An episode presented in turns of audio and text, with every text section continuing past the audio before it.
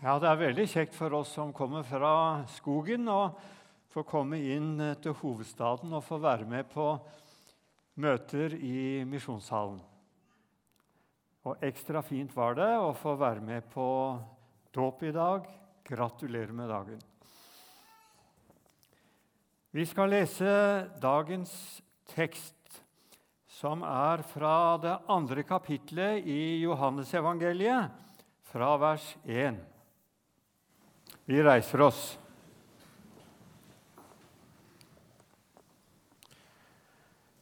Den tredje dagen var det et bryllup i Kana i Galilea, og Jesu mor var der.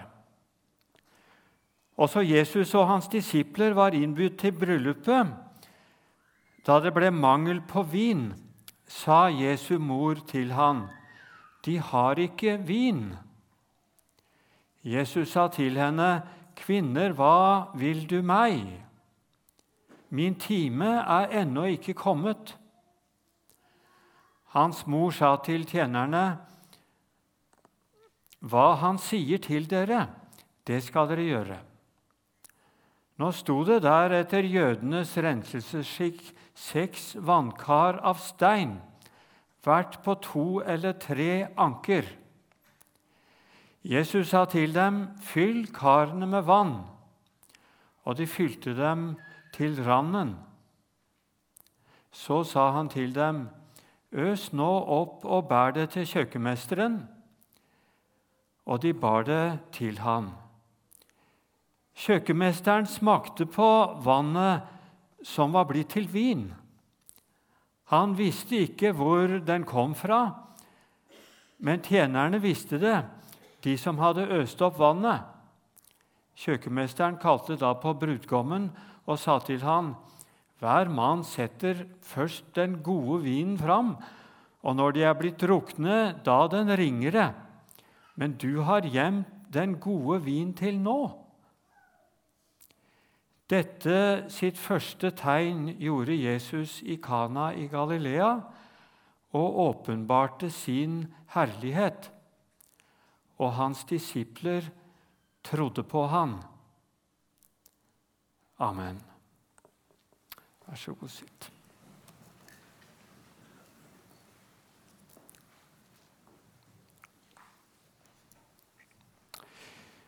Ja, Siden det er ekteskapets dag i dag, så skal vi i hvert fall innledningsvis merke oss at Jesus hadde svart ja til eh, en invitasjon til å delta i gleden og eh, i festen i et bryllup. Og han gjorde sitt første under. Sitt første tegn, står det faktisk, nettopp der. Men teksten vår handler ikke om ekteskapet, det handler om noe annet. På eh, grunnteksten så heter det 'semeion', tegn. Jesus gjør eh, et forvandlingstegn, et forvandlingsunder, som peker utover selve det der med underet, eh, og som peker videre på undergjøreren. Det mm, var antagelig krise i mm, bryllupet da de manglet vin. Det var et eller annet med planleggingen som måtte ha gått aldeles galt. Eh, og Jesu mor, som tydeligvis hadde en del eh, kontakt med eh, brudgommen og brudgommens folk, ble tidlig klar over hva som var i ferd med å skje, og kommer til Jesus og sier de har ikke vin. En veldig, veldig enkel bønn. Og For dere som har lest uh, Ole Hallesbys bok 'Fra bønnens verden', så har dere sikkert lagt merke til at Hallesby gjør et nummer av akkurat det der. Uh, fordi Bønn er ikke å så å si påtvinge Gud det som vi vil, og som vi ønsker. Men det er å fortelle Gud om nøden, akkurat slik som det er. Og det gjør Jesu mor. Og så skjer det at eh, Jesus ber de øse fulle disse svære renselseskarene. Til sammen må det ha vært atskillige hundre liter. En anker det er 36 liter. Eh, så det var mye. Og da eh, kjøkkenmesteren smakte på vannet og oppdaget at det var vin, så var problemet løst i en fei. Noe som der og da var veldig stort. Men det er noe i denne teksten som er enda større. Og det er det den vil si oss eh, om Jesus. Vi er kommet til tredje søndag i åpenbaringstiden. Og åpenbaringstidens tekster, mange av dem i hvert fall, de vil lukke oss inn i noen av hemmelighetene som handler om hvem Jesus, vår frelser, er.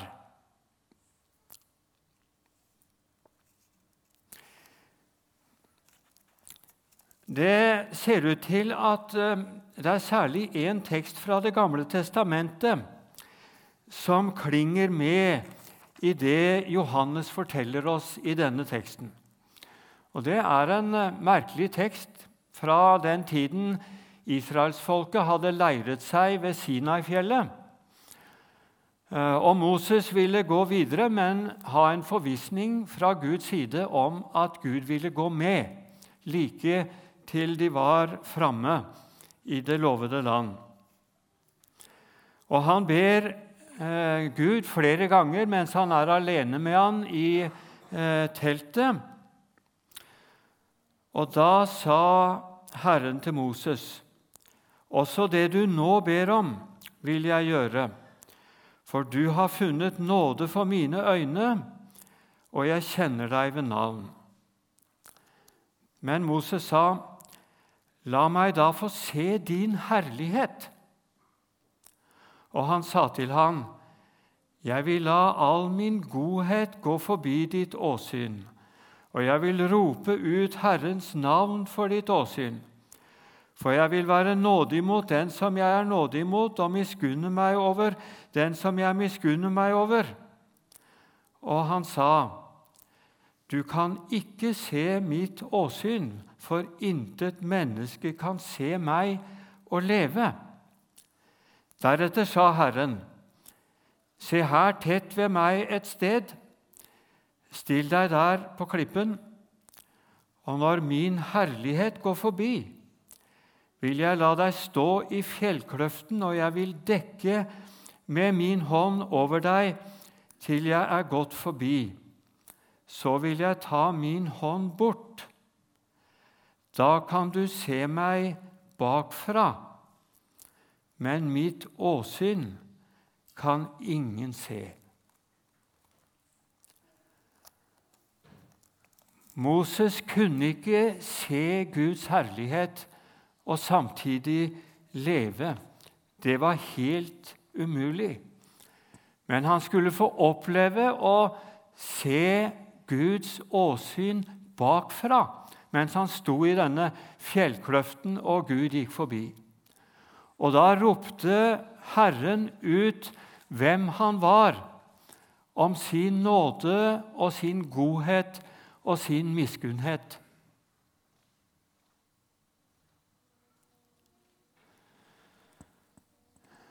Herrens herlighet ehm, er det ingen som har sett slik den virkelig er. Men du og jeg som tror på Jesus, vi har fått se den eh, bakfra. Vi har fått se Herrens herlighet i sin motsetning. I dag har vi vært vitne til dåp. Og dåp er, eh, når vi tenker på det ytre som skjer, noe veldig alminnelig og lite. Det er vann fra springen. Det, det, det eh, kommer fra Maridalsvannet, antageligvis. Um, og det er ikke annerledes enn annet vann. Men i dåpen så kommer altså Jesus til den lille og gjør et under og viser sin herlighet på den måten at han gjør Jonathan til sitt barn. Der og da, ved ord og vann.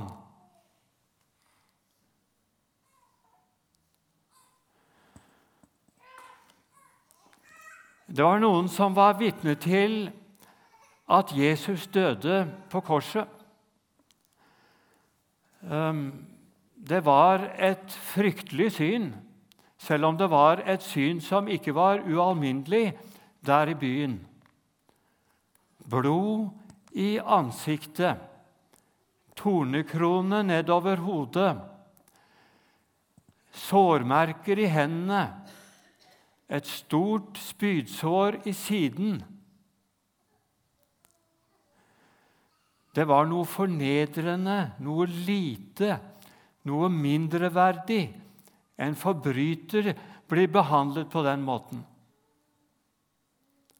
Men der åpenbarer Gud sin herlighet på den aller sterkeste måten. Hele min frelse, hele menneskeslektens mulighet til å få et rett forhold til Gud, ble skaffet til veie akkurat der og da, da Jesus døde.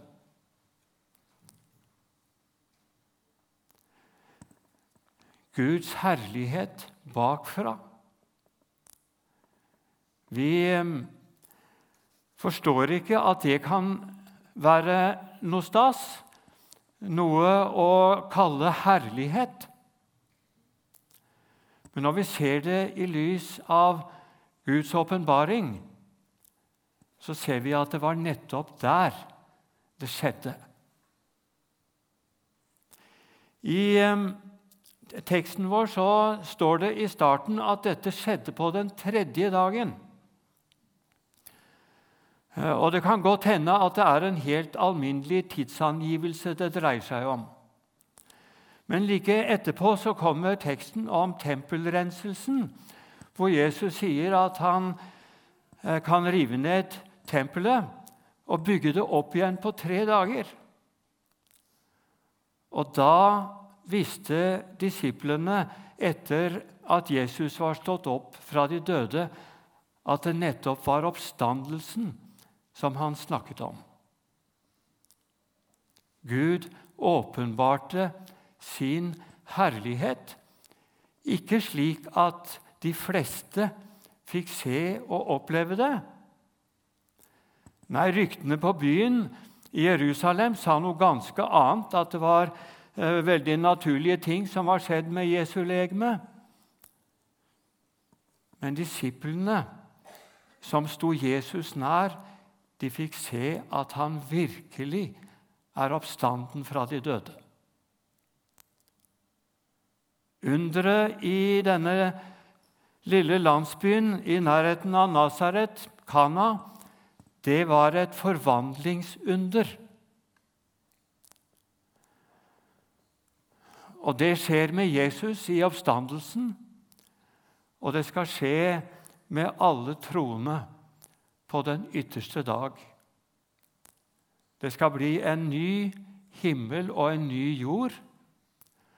Og vi skal få nye kropper, nye legemer, og bli nye mennesker. Og leve sammen med Jesus på den nye jord gjennom hele evigheten.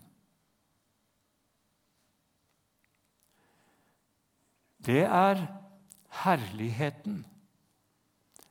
Når den får utfolde seg fullt ut. Jesus forkynte at Guds rike er kommet. Eh, det var der, det begynte. Og Guds rike kommer til oss med et lite guttebarn i en krybbe i Betlehem.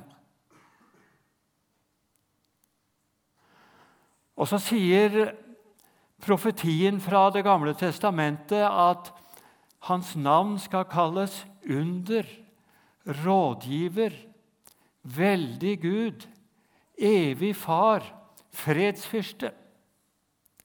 Et lite guttebarn av fattige foreldre som snart må flykte til Egypt. Veldig Gud og evig far.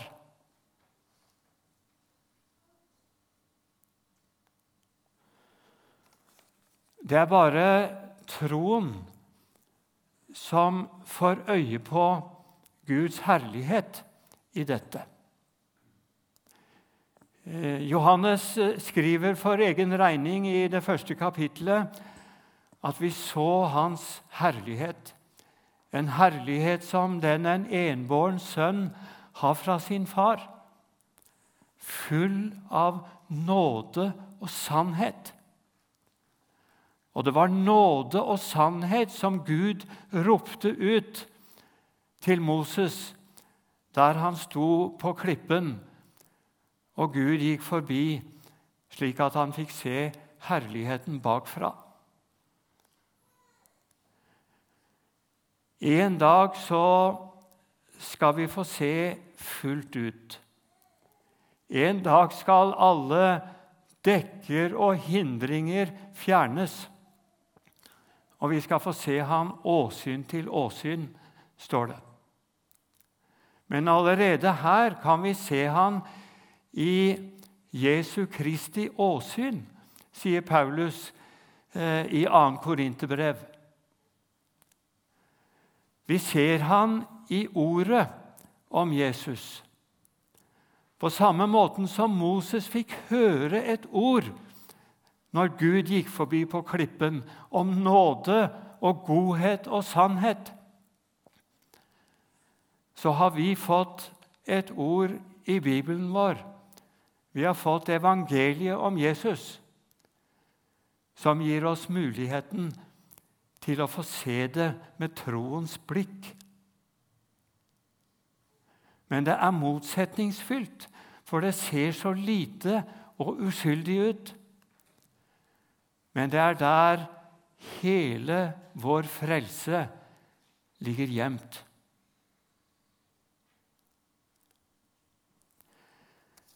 Jeg takker Gud fordi jeg har fått lov til å leve det meste av livet mitt i troen på Jesus. Og så har glimtene vært større og mindre av Guds herlighet slik vi har lest om det her. Men jeg ville aldri vært det livet foruten. Og Hvis jeg kunne få sagt til noen i, i dag at om du ikke har fått tak i det, så må du åpne hjertet ditt slik at han kan få stige inn og vise deg sin herlighet med nåde og sannhet. For meg er det blitt slik at han har aldri kunnet skuffe. Han er blevet mer for meg enn i alle lyse drømmer hjertet kunne tenke seg. Og slik kan han bli for deg også. Vi så hans herlighet, nåde og sannhet. Himmelske Far, vi takker deg for ditt ord til oss, og vi takker deg for at du kommer til oss og viser oss din herlighet på den måten som du vil. Og så var det av og til vanskelig for oss å få øye på hva det virkelig var. Og vi ber deg ved din Hellige Ånd at du må vise oss evangeliets sannhet stadig på nytt og på nytt igjen, slik at vi kunne nå helt fram til fullendelsen, også vi. Må du velsigne Jonathan som er døpt i dag, og la han få lov å se din herlighet. Og du må velsigne familien hans. Vi ber om det i ditt eget navn, Herre. Amen.